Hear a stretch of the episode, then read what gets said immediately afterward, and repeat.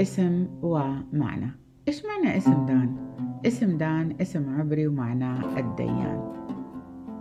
لأن راحيل غارت من أختها ليئة. لأنها ما تجيب ولد وقامت خلت زوجها يدخل على خدامتها بلها وحملت. ويوم ولدت بلها الولد قالت راحيل الله هو القاضي ويقضي لي. وسمع صوتي ورزقني ولد